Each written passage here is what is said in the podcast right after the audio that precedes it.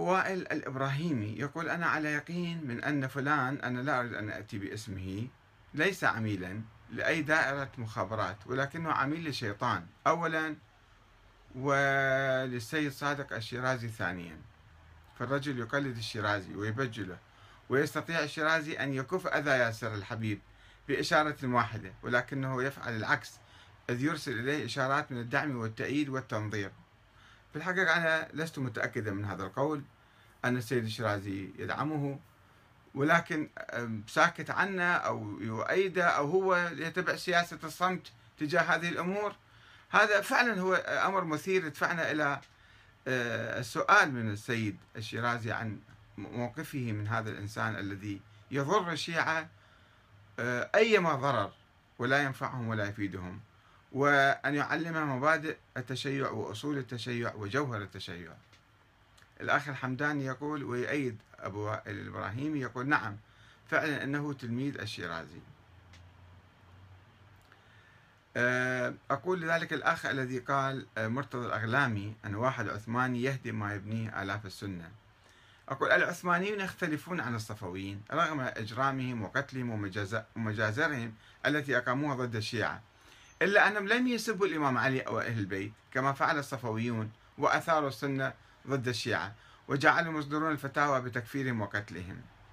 بل بالعكس هناك مذهب آه، أو طريقة صوفية تبناها الصفويون قرونا من الزمن وهي الطريقة البكتاشية وهي موجودة حتى اليوم في ألبانيا خصوصا ومنتشرة في تركيا وفي العراق وسوريا ومصر وبعض أنحاء العالم الإسلامي. هذه الطريقة الصوفية تقول يعني آه، تحترم الأئمة الاثني عشر وتحترم الخلفاء.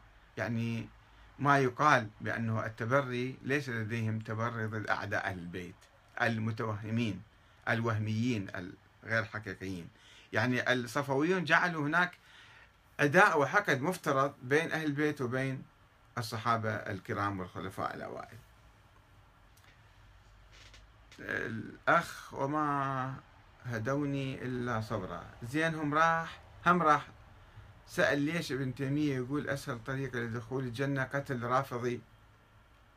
ابن تيمية أخطأ فهل يجب أن نخطئ نحن أيضا؟ إذا واحد في التاريخ قال قولا خاطئا وسيئا فهل يجب علينا أن نقتدي بهذا الخطأ أم نتجنبه ونختار طريقنا بوعي وحكمة وعقل؟ الأخت مهستي خودة تقول آه، ياسر حبيب مخابرات بريطانيا وأنت تعرف بهذا الموضوع. في الحقيقة أنا ليست لدي معلومات دقيقة ولكن تحليلية يعني هناك مخابرات أجنبية أو منظمات أو بؤر تستفيد من هذا الإنسان ومن هذه السياسة الإعلامية السيئة الحمقاء لكي تؤلب آه، السنة على الشيعة وتستفز السنة وتصب آه، الزيت على نار الفتنة الطائفية. الأخ مرتضى الأغلامي يقول بل الصفويون دولة لها قيمة وفضل كبير. أوقفت المد العثماني السني وما فعله العثمانيون جرم ضد أهل البيت والشيعة. يا أخي هي كانت صراعات بين عوائل تركية. هم الأصل هم الصفويون كانوا أتراك وأبناء عم للعثمانيين. ثم اختلفوا على الزعامة والقيادة فاختار فريق منهم أن يتبنى المذهب ال يعني شعارات المذهب الشيعي.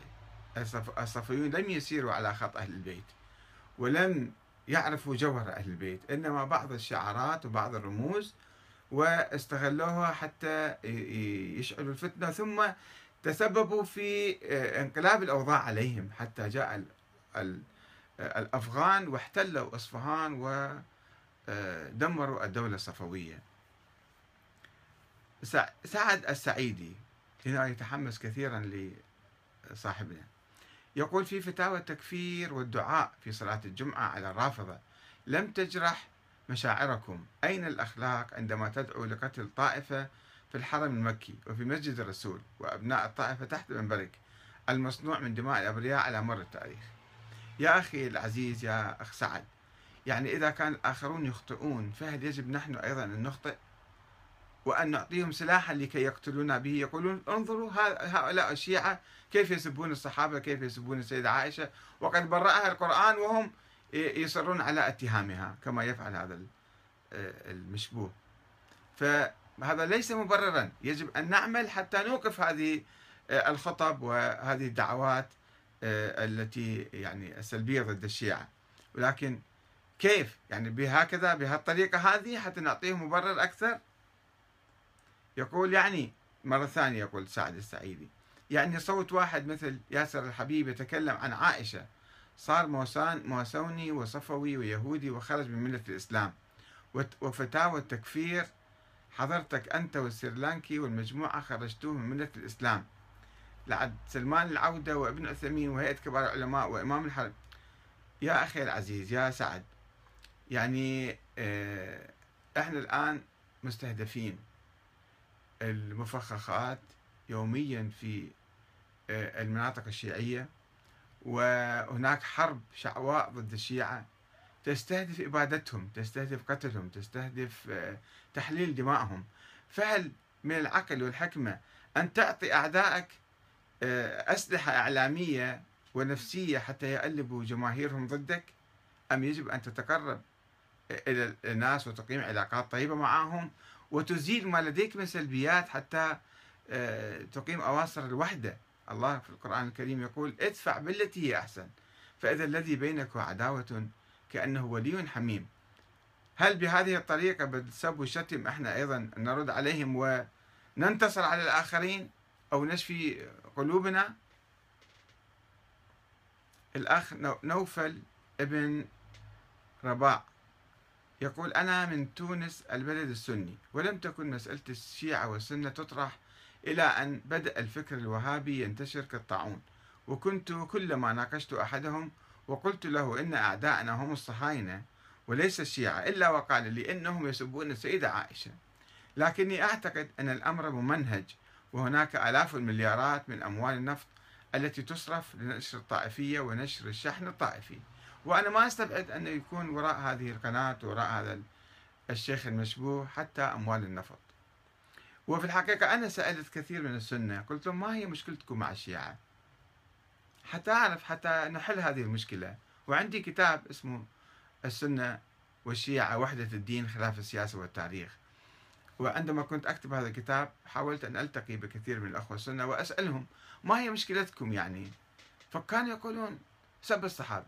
يعني ما في مشكلة منذ قرون من الزمن لا يوجد أئمة أهل البيت ولا توجد قضايا خلافية أخرى لا اقتصادية ولا سياسية ربما ما عدا قضايا نفسية من من قبيل هذه المشكلة.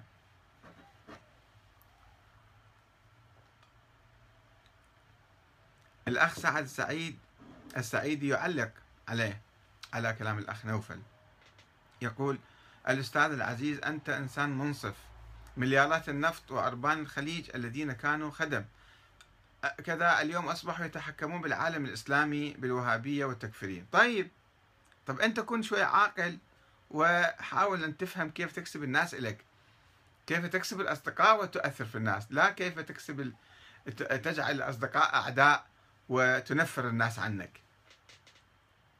أبو أمير الحجاج يقول أولا منعول أبو العالم الإسلامي بملياره من الجهلة الحثالات لأنه يقتل أمة كاملة بلا تفريق بين بريء أو امرأة أو طفل بمجازر يومية وعلى ماذا؟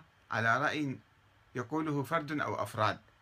ثانيا ما قيمة التوحد مع أمة بهذه المواصفات؟ وفي آخر سلم الحضارة الإنسانية. ثم متى اتفق؟ متى اتفق الناس بالآراء وفي أي مكان أو زمن غابت الآراء الشاذة والمتطرفة؟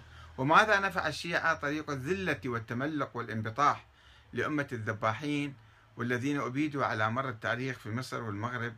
حماة حلب الدولة العثمانية أيام صدام. متى ما رغبت أمة الذباحة بذبحهم؟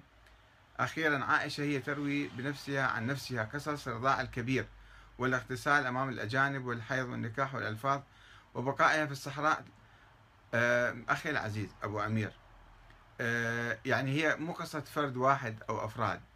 الرأي العام في أي بلد في أي منطقة بالعالم وفي كل العالم لا يتكون بعقل وبدقة وبحكمة ووعي. يتكون بصور يتكون بكلمات يتكون يعني أقوال أفراد. فإذا جاء شيخ معمم وقال كلاما وانتشر بالتلفزيون عامة الناس الجهلة البسطاء سوف يأخذون صورة عن أمة كاملة كما يأخذ الأمريكان والأوروبيين هنا الآن مثلا كثير منهم لا نقول كلهم يأخذون صور عن العرب مثلا عن المسلمين من خلال الإرهابيين. هل الإرهابيين هؤلاء يمثلون العرب والمسلمين؟ هم أفراد ولكنهم يعطون صورة عن المسلم العربي البدوي الذي يرعى الجمال في الصحراء الذي كذا كذا كذا. فإحنا يجب أن نعمل على يعني على الإعلام حتى نعطي صورة واقعية لا أقول إيجابية فقط واقعية عن الشيعة اليوم. لا أن نعطي صورة سلبية ونعمق هذه الصورة السلبية في أذهان الناس من حولنا. وأكثر الناس جهلة وبسطاء فيتحمسون بسرعة وشباب صغار يتحمسون بسرعة لكي يقوموا بتفجير أنفسهم في أوساط الشيعة. آه، الأخ الحمدان يقول عائشة بريئة من روايات الرضاع الكبير. هذه الروايات وضعها الأمويون. سواء وضعها الأمويين أو لم يضعوها لا يهمنا ذلك. لا يهمنا ذلك. يعني في مجال البحث العلمي يمكن نبحث وننتقد ونقول أن هذه الرواية خاطئة أو حتى أن عائشة التي روتها اشتبهت أو أخطأت. ولكن ليس في الإعلام نأتي ونسب ونشتم وكأننا انتصرنا على الآخرين. نحن نعيش مع اخواننا السنة في كل مكان ونعيش في مجتمعات مختلطة وبلاد مختلطة وأي لا نعيش في جزيرة منعزلة بالعالم.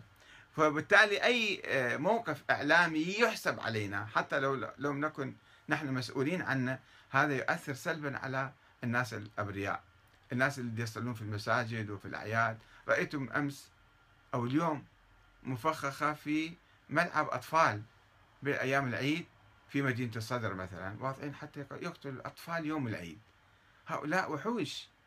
ولكن كيف أقنع هذا الإنسان البسيط الشاب المتحمس باسم الدين أن يأتي ويقتل آه، هؤلاء الشيعة مثلا؟ لأنه يعني آه، بأشياء من عندهم وأشياء من الجهلة والصفويين والحمقى من عندنا أيضا. يجب أن نعترف ونضع حد لذلك. الحمداني يقول جيد.